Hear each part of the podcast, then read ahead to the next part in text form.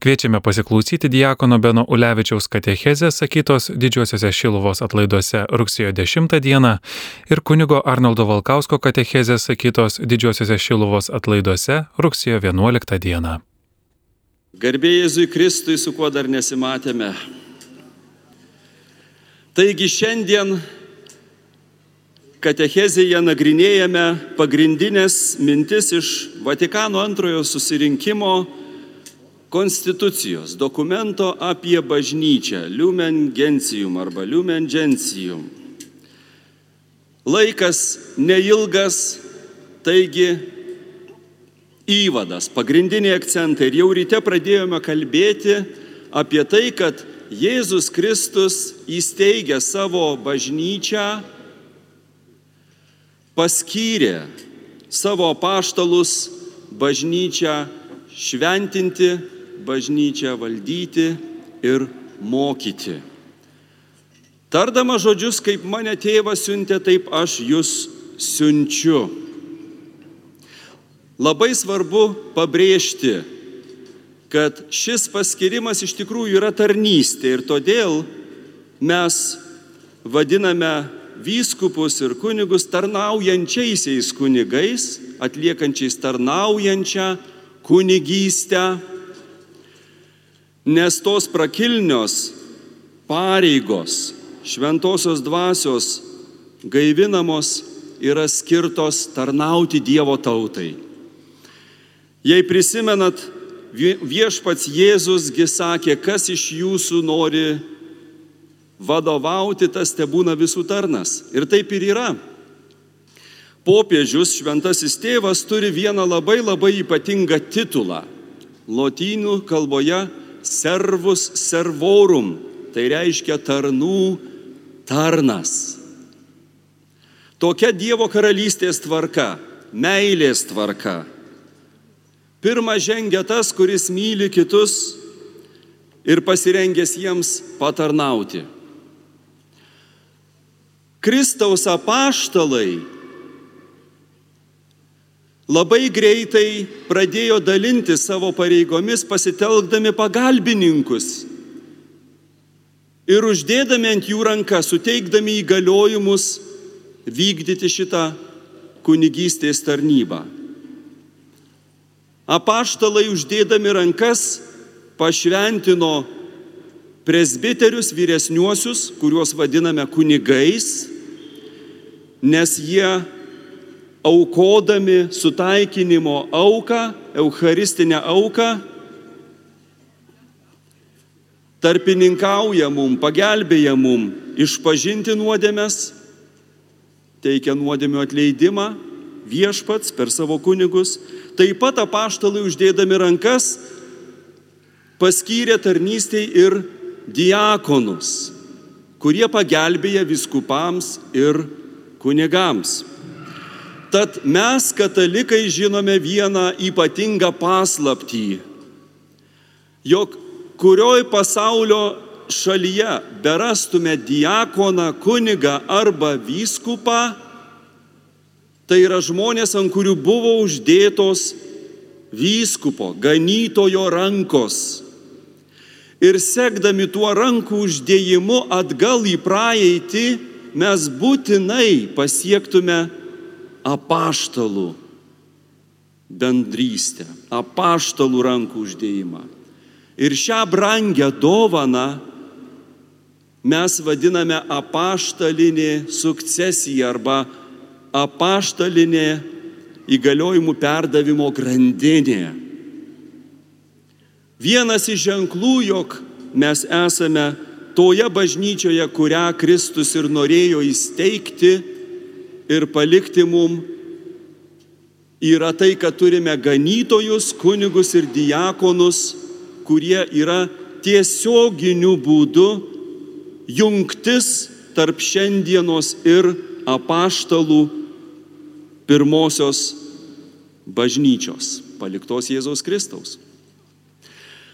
Na ir dabar labai trumpai turėčiau dar paaiškinti koks vis dėlto yra šventojo tėvo vaidmuo. Jėzus Kristus labai aiškiai, akivaizdžiai nepaliko vien dvylikos apaštalų bažnyčiai tarnauti, ją vesti, ją mokyti, ją šventinti, bet taip pat ir vieną iš apaštalų paskyrė būti vienybė ženklų ir pažadėjo ypatingą dovaną brolius vienyti, telkti, mokyti. Be abejo, kalbu apie apaštalą Petrą. Tik apaštalui Petrui Jėzus ištarė, ganyk mano avis ir avinėlius, tik apaštalui Petrui Jėzus ištarė, stiprink brolius, aš meldžiausi už tave, Petrai, kad tavo tikėjimas nesviruotų, kai šėtonas sijos jūs kaip kviečius. Ir mes todėl labai pagrįstai tikime, kad ši Jėzaus malda už apaštalų vadą Petrą yra amžinas dalykas. Jei Jėzus meldžiasi, kad Petras nesvyruotų, kad išliktų tiesos atrama bažnyčioje, ši malda yra viršlaikiška. Tai yra galinga Jėzaus malda ir ji apsaugo ganytojų vadą šventąjį tėvą, popiežių, nuo klaidos, kai tik mokomi tikėjimo arba moralės dalykai iškilmingų būdų. Kiekvienas popiežius arba šventasis tėvas gali būti taip pat ir kaip teologas klystantis ir kaip žmogus turėti savo nuomonę. Ši Jėzaus dovana neapsaugo popiežiaus nuo klaidingų įsitikinimų.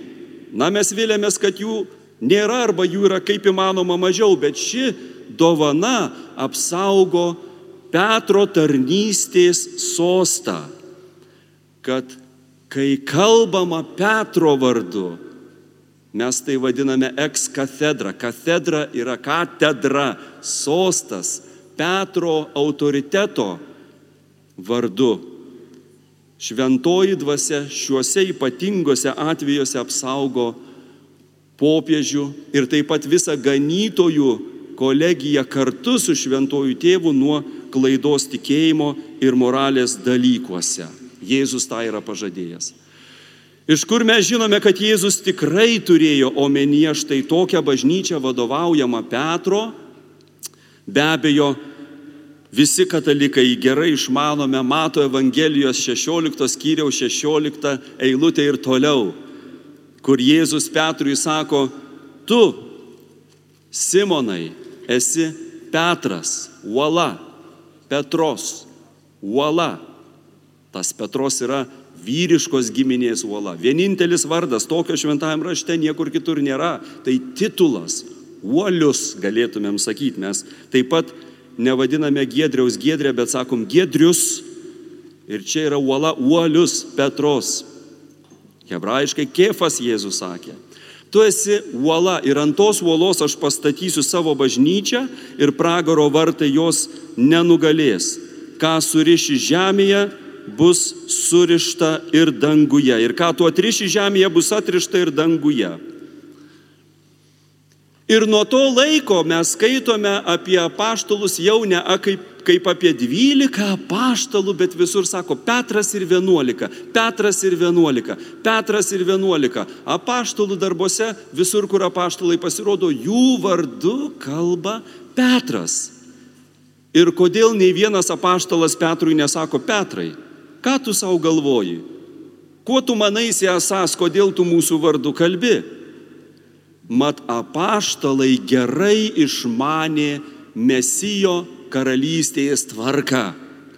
Gelbėtojas, Mesijas turėjo ateiti kaip Dovido įpėdinis. Ir taip kaip Dovido sūnus Saliamonas senovėje įjojo į Jeruzalę ant mulo ir visi šaukė Osana Dovido sūnui, turėjo omeny Saliamoną. Taip Jėzus įjoja į Jeruzalę ir visi šaukia Osana Davido sūnų. Jie žino, kad šis žmogus ateina atnešdamas Davido karalystės tvarką, nors jie dar nesupranta, kad tai yra dangaus karalystės tvarka. O Davido karalystėje valdovas turėjo savo pagalbininkų kabinetą. Štai tokių pasiuntinių kaip apaštalai. Ir vienas iš tų buvo vyriausias prievaizdas, vyriausias ganytojas. Taigi Jėzus, kreipdamasis į Petrą, aiškiai naudoja žodžius, kuriuos randame Izaijo knygoje. Ir ten Izaijo knygoje kalbama apie Davido karalystės vyriausią prievaizdą, vyriausią ganytoją. Įsiklausykime, cituoju, Izaijo knyga. Viešpats sako, tą dieną aš pašauksiu savo tarną Eliakimą, kaip tą prievaizdą. Apvilksiu jį tavo rūbu. Taigi rūbas, baltas drabužis. Alba, nes turime alba. Apjuosiu tavo juostą. Taigi stula. Ir perduosiu jam tavo valdžią Jis bus kaip tėvas Jeruzalės gyventojams ir Judo namams. Tėvas, papa, popiežius, šventasis tėvas. Štai iš kur šis titulas. Jis bus kaip tėvas Jeruzalės gyventojams. Aš uždėsiu jam ant pėties Davido namų raktą. Jis atidarys ir niekas nebeuždarys. Ir ką jis užrakins, niekas nebeatrakins. Jėzaus žodžiai, tau duodu karalystės raktus, ką užrakinsi bus užrakinta, ką atrakinsi bus atrakinta. Aš įkalsiu jį kaip atramą, kaip stulpą. Ir jis taps savo tėvo namuose šlovingų sostų. Sostas, juosta, drabužis, raktai. Apaštalai girdėjo Jėzų kreipiantis į Petrą ir suprato, kad jų bendruomeniai, ganytojų draugijai suteikiamas prievaizdas vienybės ženklas. Ir per 2000 metų Šventojo tėvo institutas, popiežius visada buvo telkiantis vienybės ženklas, nors būta ir sunkių laikų, bet džiaugiamės šitą dovana ir tokia palikta bažnyčios struktūra. Tad tiek apie tą trečiąjį skyrių ir nepamirškime tęsti katechezės ir rytoj, ir poryt sužinosite dar daug įdomių dalykų. O dabar parenkime širdis tolesnė maldom ir šventų mišių aukai.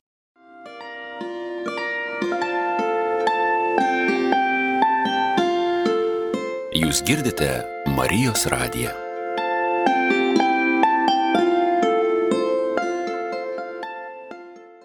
Kviečiame pasiklausyti kunigo Arnoldo Valkausko katechezės sakytos Šilovos didžiuosiuose atlaiduose rugsėjo 11 dieną. Taigi, smagu, kad galim pasišnekėti. Tema tokia savotiška. Lumen gentium, tautų šviesa. Vienas Ulevičius čia pakomentavo iki ketvirto skyriaus, o ketvirtasis skyrius vadinasi pasauliečiai. Dabar e, Lumen Gensim tautų šviesa lotiniškas žodis, dogminė konstitucija, reikia atkreipti dėmesį, kad tai yra labai rimtas dokumentas, E, norminis dokumentas, tai aišku, gal ten galim šį beitą nu, vienaip vertinti ar kitaip, bet yra dokumentas, kuris mus kviečia pamatyti visą bažnyčios visumą. Kas čia vyksta, kas turi vykti, kaip matyti save ir už tai labai svarbu, ką norima pasakyti, kaip tikėjimo šviesoje pamatyti pačią bažnyčią, kaip tariant, kaip tikėjimo šviesoje pamatyti pačius save.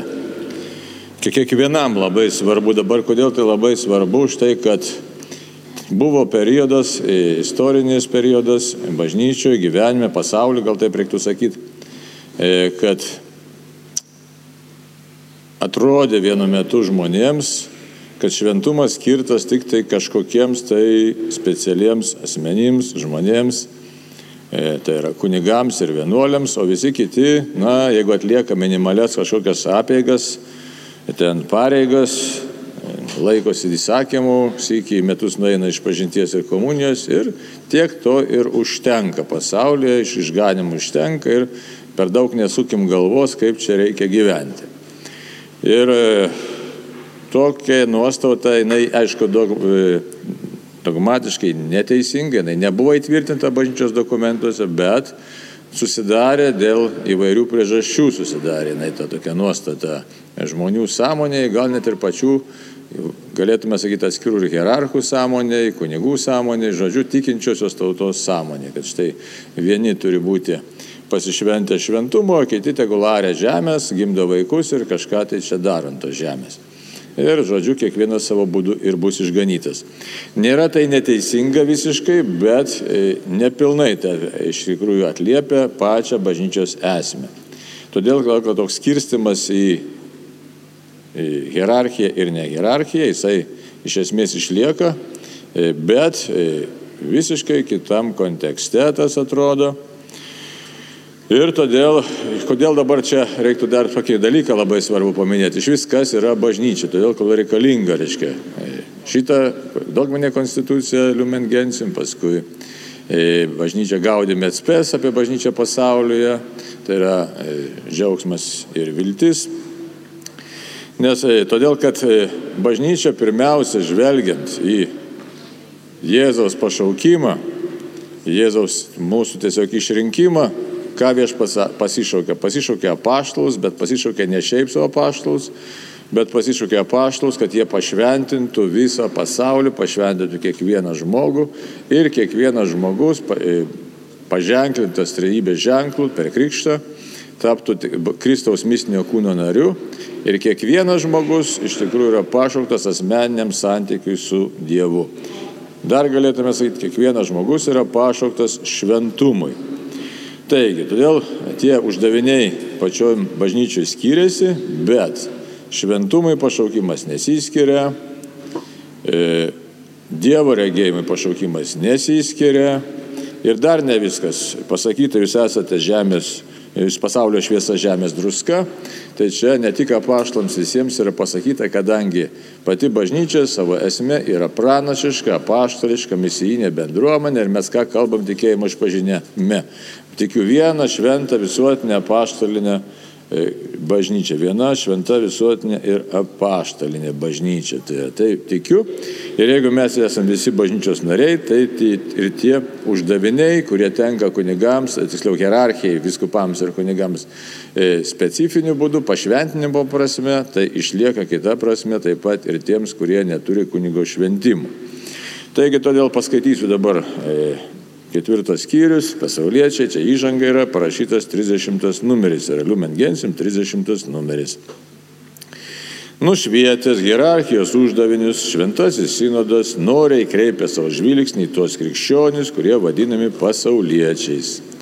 Tiesa, visa, kas pasakyta apie Dievo tautą, lygiai taikoma ir pasauliečiams, vienuoliams ir dvasininkams Tačiau kai kurie dalykai ypatingai susijęs su pasauliečiais, vyrais ir moterimis, dėl jų padėties ir paskirties. Ypatingos mūsų metų aplinkybės reikalauja giliau apsvarstyti tų dalykų pagrindus. Išventinti ganytojai gerai žino, kiek daug pasauliečiai prisideda prie bažnyčios gerovės.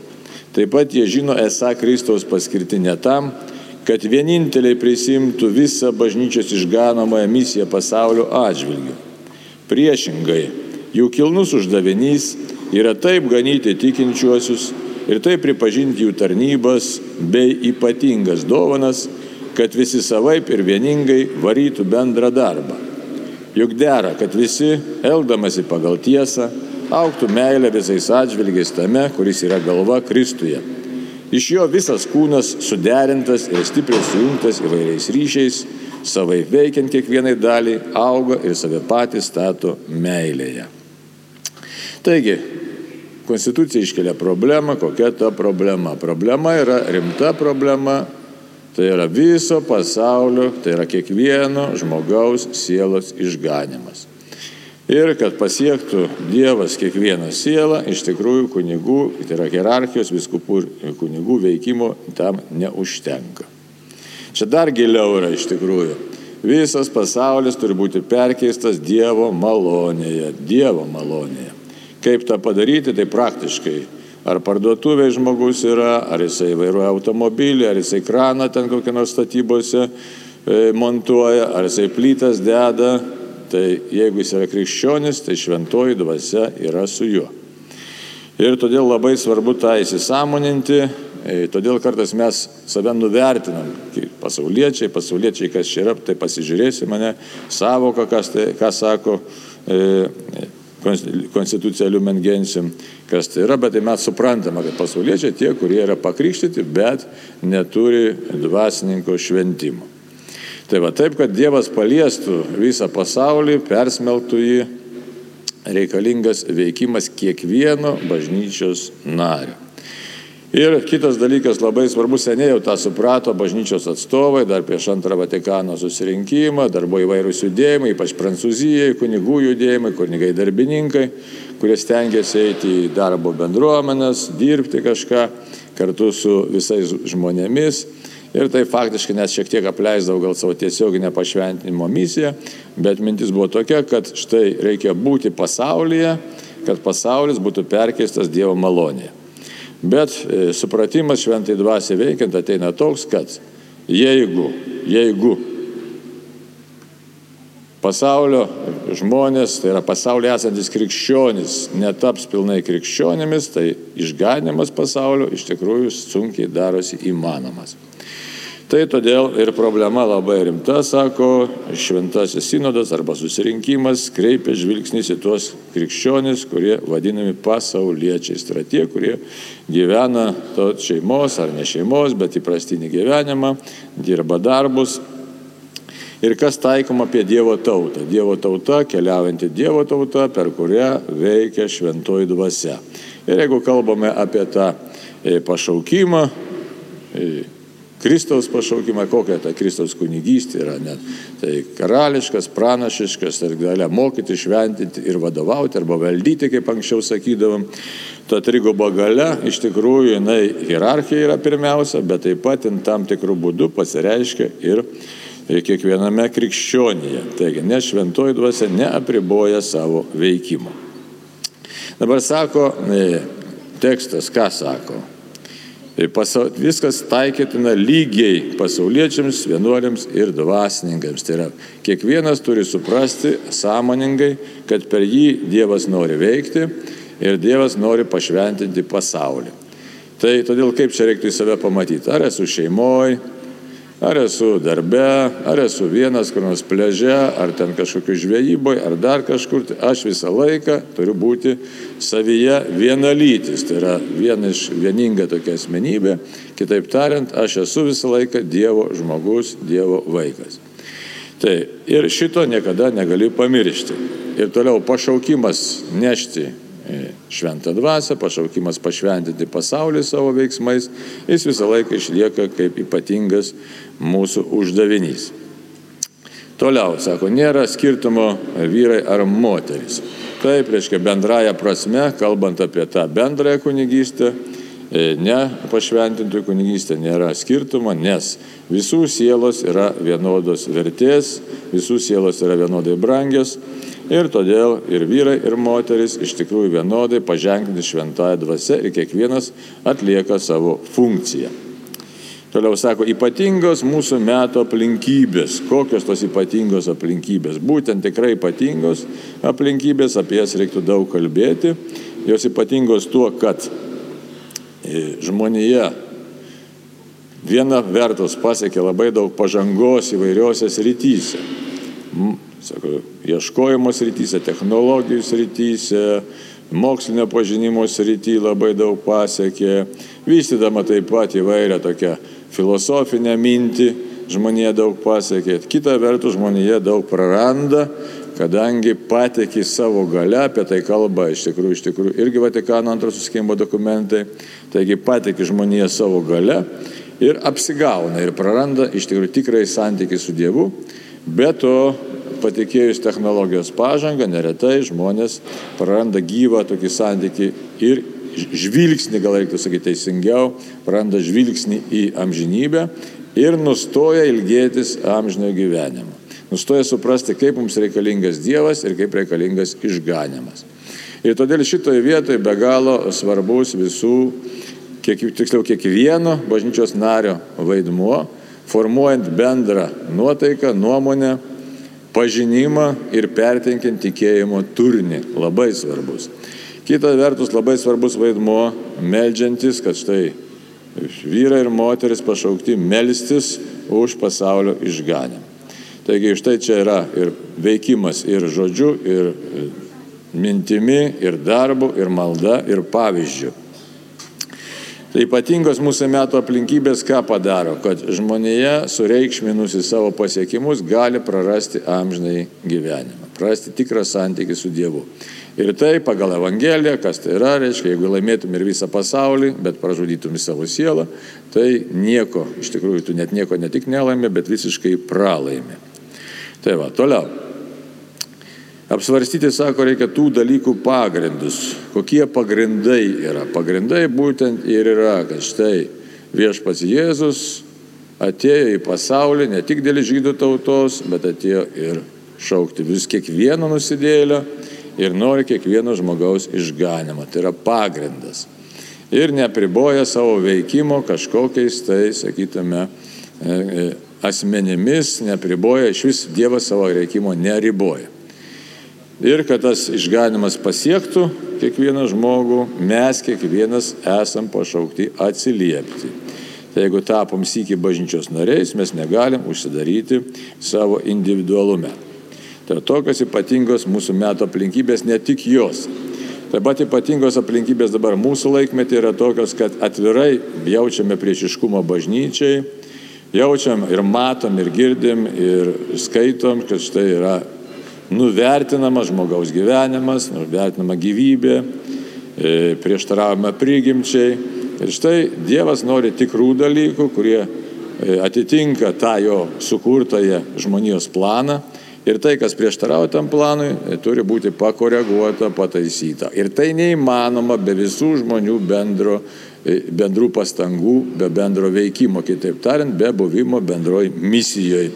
Štai pamatyti save kaip misionierius ir pranašus, šitą reikia daug kartų savo prisiminti, e, reikia tą išgyventi ir būti tame. Toliau, išventyti ganytojai gerai žino, kiek daug pasauliečiai prisideda prie bažnyčios gerovės. Ką reiškia gerovė? Bažnyčios gerovė, tai mes kartais galim pagalvoti apie materialinę gerovę, apie, sakysim, nu, apie pastatų išlaikymą, apie įvairias komunikacijos priemonės jų išlaikymą, apie bendrą rūpestį, bendroji gėrių. Taip, tai yra teisingi dalykai, nes, kaip dabar čia šilovoje, sakytum, jeigu nebūtų buvę rūpestingų žmonių, kurie tuo metu statydami katedrą, šitą baziliką, tiksliau bažnyčią, nebūtų turėję pinigų, jie nebūtų to padarę. Bet nefinansiniai dalykai yra pagrindinis tikslas ir uždavinys bažnyčios. Dar ir dar kartą reikia prisiminti, pagrindinis tikslas yra sielų išganimas. Ir dabar tas sielų išganimas vyksta labai įvairiai. Mes galim prisiminti Lietuvos, sakysime, istoriją. Nu, caro laikai. Caro laikai kokie buvo? Caras e, draudė, nu, jeigu, sakysim, katalikų tikėjimą, bet dar prieš tai, sakysim, čia kai Marija pasirodė, ka, iškia, reformacija, kalvinizmas, iškia, ne, noras atitraukti žmonės nuo katalikų tikėjimo. Kas galėjo padėti išsaugoti tikėjimą? Būtent šeimos gyvenimas, buvimas šeimoje. Tai yra tai, ką žmonės girdėjo savo namuose, iš tikrųjų padėjo išsaugoti tikėjimą. Toliau, sakysim, tas pats caro laikais mes turim rimšos net skulptūrą, ne šeimos mokykla. Tai rašto ir tikėjimo mama mokė vaikus pasisodinus ant kelio. Tai labai galo svarbus dalykas. Tai šeimoje, ką išmokai. Tarybiniai laikai. Pasišventę asmenys, vyrai, moteris, vienuolės, mokino vaikus, ruošia, rengia pirmai komunijai. Kiti netikalėjimą dėl to pateko ir paruoždavo gal labai greitai, trumpai per dvi savaitės, bet paruoždavo pirmai komunijai kokybiškai, nekokybiškai, įvairiai ten galėjo būti, bet buvo taip, kaip iš tikrųjų, bet tomis bendromis pastangomis mes šiandieną turim išsaugoję savo tikėjimą. Aišku, gal taip galėtų būti geriau, netobulai ar tobulai, bet esmė netame. Bet esmė tame, kad bendros pastangos davė nepaprastai gražių rezultatų, nes buvo atsiliepta šventosios dvasios veikimui, pašaukimui būti misijoje, būti pranašais.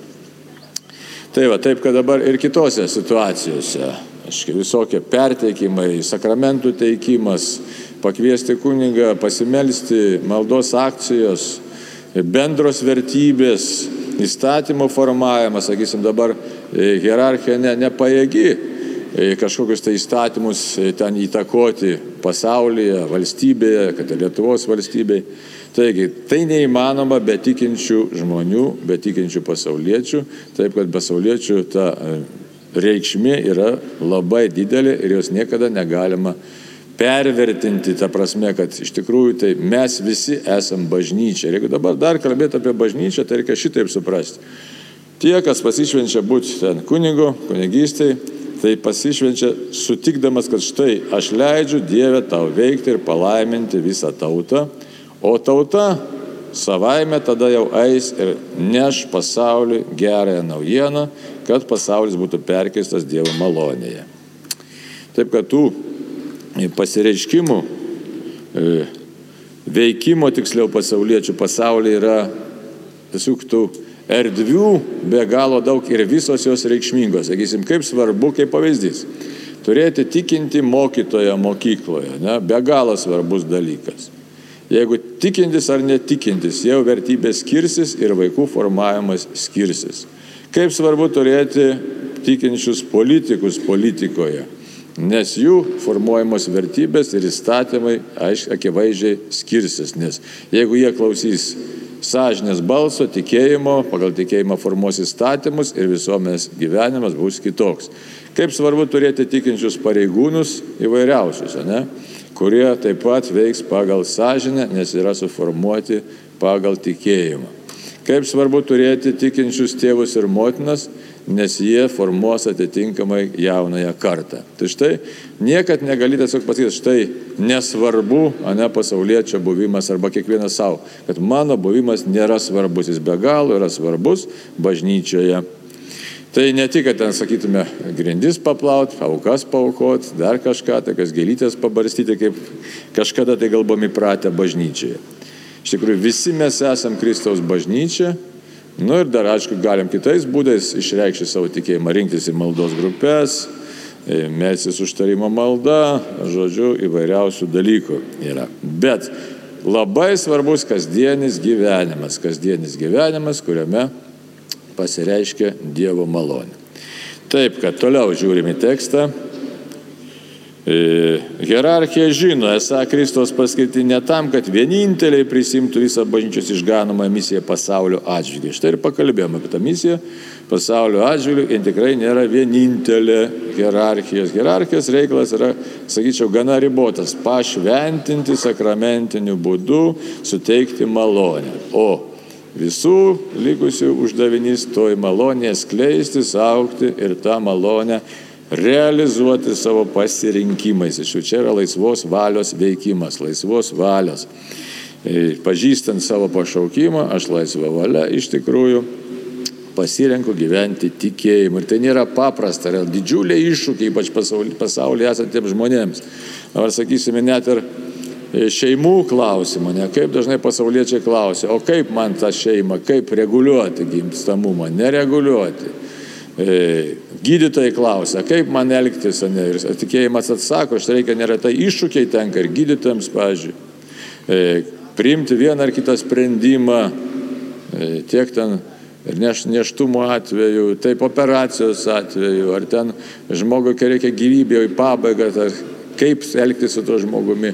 Žodžiu, labai daug dalykų iššūkių tenka tikintiesiems žmonėms kasdieniam gyvenime, reikia drąsos ir ryšto gyventi pagal tikėjimą, nes pasaulio dvasia siūlo visai kitus dalykus.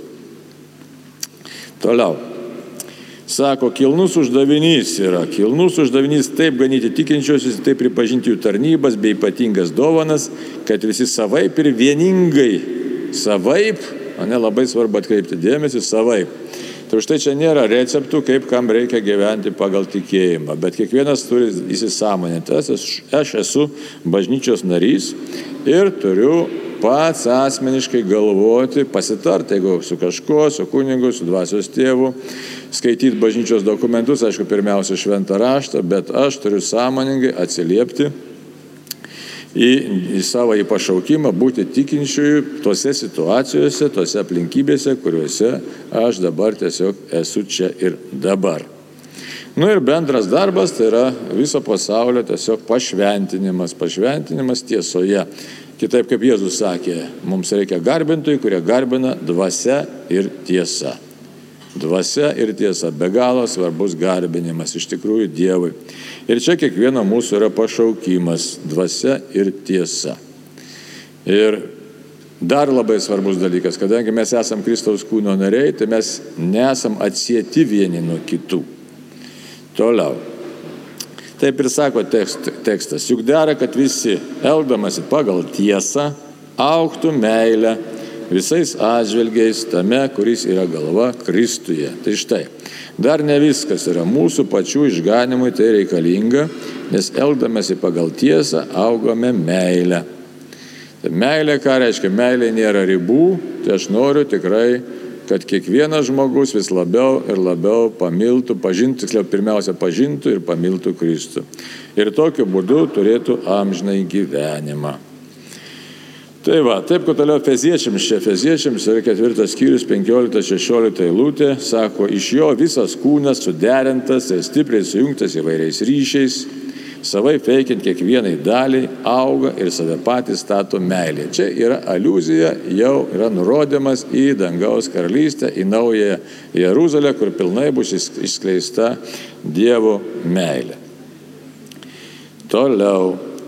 Kas yra pasaulietis, dar pasižiūrėkime mane, 31 numeriukas, ką sako.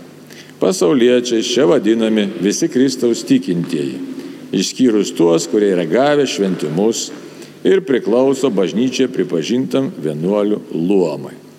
Tai Kristaus tikintieji, krikštus sujungti su Kristaus kūnu, tapę Dievo tauta ir savaip tapę Kristaus kunigiškosios, pranašiškosios ir karališkosios pareigos dalininkais. Taigi, kunigiškosios, pranašiškos ir karališkosios pareigos dalininkais. Taigi visi mes esam pašaukti misiją. Jie vykdo bažnyčią ir pasauliems tenkančią visos krikščionių tautos misijos dalį. Pasauliečių skirianti ypatybė yra jų pasaulietinis pobūdis. Tiesa, ir kunigų luomo nariai kartais gali tvarkyti pasaulietiškus reikalus, net turėti pasaulietišką profesiją. Tačiau dėl savo ypatingo pašaukimo svarbiausia ir pirmiausia jie skirti šventai tarnybai.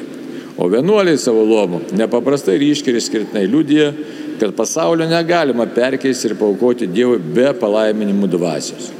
Tuo tarpu pasauliečiams pačių jų pašaukimų skirta ieškoti Dievo karalystės, rūpinantis laikinaisiais dalykais ir juos tvarkant pagal Dievo valią. Jie gyvena pasaulyje, Tai yra gyvena imdamiesi visų įvairiausių jo pareigų ir darbų, supami prastų šeimos ir visuomenės gyvenimo sąlygų, iš kurių tarsi nausta jų būtis. Dievas juos ten šaukė, įdant pagal Evangelijos dvasę, atlikdami skirtasias pareigas, jie lyg koks raugas prisidėtų prie pasaulio pašventinimo tarsi iš vidaus Ir šitaip spinduliuodami pirmiausia savo gyvenimo liūdėjimu, tikėjimu, viltimi ir meilė kitiems atskleistų Kristų. Tad jiems ypatingų būdų pavesta taip nušviesti ir tvarkyti visus laikinuosius dalykus, su kuriais jie glaudžiai susijęti, kad visa vyktų Kristaus norimų būdų ir auktų bei šlovintų kurėją ir atpirkėją. Tai štai, Toks ilgas numeris, daug čia visko prisakyta, bet mintis pagrindinė tokia yra, tikrai labai rimta. Kartais mes pagalvom, kad štai būnant pasaulyje neįmanoma siekti šventumo. Arba būna tokia pagunda nuvertinti laikinuosius dalykus. Ai, tas nesvarbus, čia nepirksiu, nes ne, negalvosiu, neieškosiu čia vienu žodžiu. Kartais būna net ir pasaulyje gyvenantis šeimoje, gyvenantis žmonės, vyrai ir moteris, staiga apleidžia šeimos pareigas čia, ir jau neva puola į labai kažkokį tai didelį šventumą. Tai yra klaida iš tikrųjų. Esmė yra tokia, kad turi būti, kaip Jėzus sakė, aiškia, kas tu esi, reiškia, mes esam, aiškia, pasaulyje, bet ne iš pasaulio. Tai yra, turim, arba paštas Paulius, kaip sako, perka, tarsi nepirktų, ne. Taigi, tai tas pašaukimas yra. Pašaukimas yra būti pasaulyje, bet nesusitapatinti su juo. Bet kita vertus atlikti pareigas, rūpintis laikinaisiais dalykais tiek, kiek jie reikalingi, kiek kasdienybei, kiek jie reikalingi pareigų atlikimui, kiek reikalingi gyvybei palaikyti, e, kiek reikalingi vaikams iš tikrųjų maitinti ir taip toliau. Taip, kad tas laikinumas, e, laikinų dalykų prižiūrėjimas būtent yra taip pat labai svarbus dalykas, nes mes būtent pašaukti, visi mes esame laikini, pašaukti laikinam gyvenimui. Ir tas mūsų laikinas gyvenimas mums pakankamai yra svarbus ir reikšmingas, nes norim laimingai gyventi, ir Dievo tokia valia, kad štai mes tvarkingai tvarkytume tai, kas mums yra patikėta. Reiškia, iš tikrųjų, švento rašto kalbėjimas. Net tarsi geri prievaizdai. Tai geras prievaizdas laikosi tvarkos. Tai kad tam tvar, pasaulyje būtų tvarka, reikia klausyti Dievo ir tokiu būdu klausant Dievo formuoti mūsų kasdienybę. Tai tiek kalbant čia apie Lumen Gentium, ketvirtą skyrių, apie pasauliečius. Ir labai įdomus dalykas, sekantis skirelis bus paskui vakare, galėsim pasižiūrėti pasauliečių kaip Dievos tautos narių orumas. Nes kartais mes išgirstam, kad štai hierarchija kažkokia ypatinga, aš taip pasauliečiai ne, ne, nesvarbus liktai. Tai yra iš tikrųjų klaida, didžiulė mąstymo ir pažinimo klaida. Visi žmonės yra Dievo vaikai, visi orus ir per visus veikia Dievas šventoji dvasia, vienas trybė Dievas, kuris kiekvienam duoda savo uždavinį. Ir tie uždaviniai, kad ir kokie jie atrodytų pasaulio akimis menki, bet Dievui atrodo visiškai kitaip. Dievui nereikia didelių dalykų, bet Dievui reikia atviros ir mylinčios širdies, kuri Dievą garbina dvasia ir tiesa. Taigi išsineškim tuos žodžius, noriu garbinti Dievę tave dvasia ir tiesa. Ir tam esu aš pašauktas. Tiek hierarchija, tai yra kunigas vyskupas, tiek kiekvienas tikintysis, tiek vyras ar moteris, senas ar jaunas, visiškai tas neturi reikšmės. Mes visi esame Dievo. Amen. Garbė Dievui, tėvui ir sūnui ir šventai dvasiai, kai buvo pradžioje, dabar ir visada ir per amžius. Amen. Vardant Dievo tėvo ir sūnaus ir šventosios dvasios. Amen. Girdėjote Diekono Beno Ulevičiaus katechezę sakytą Šiluvos didžiuosiuose atlaiduose rugsėjo 10 dieną ir kunigo Arnoldo Valkausko katechezę sakytą didžiuosiuose Šiluvos atlaiduose rugsėjo 11 dieną.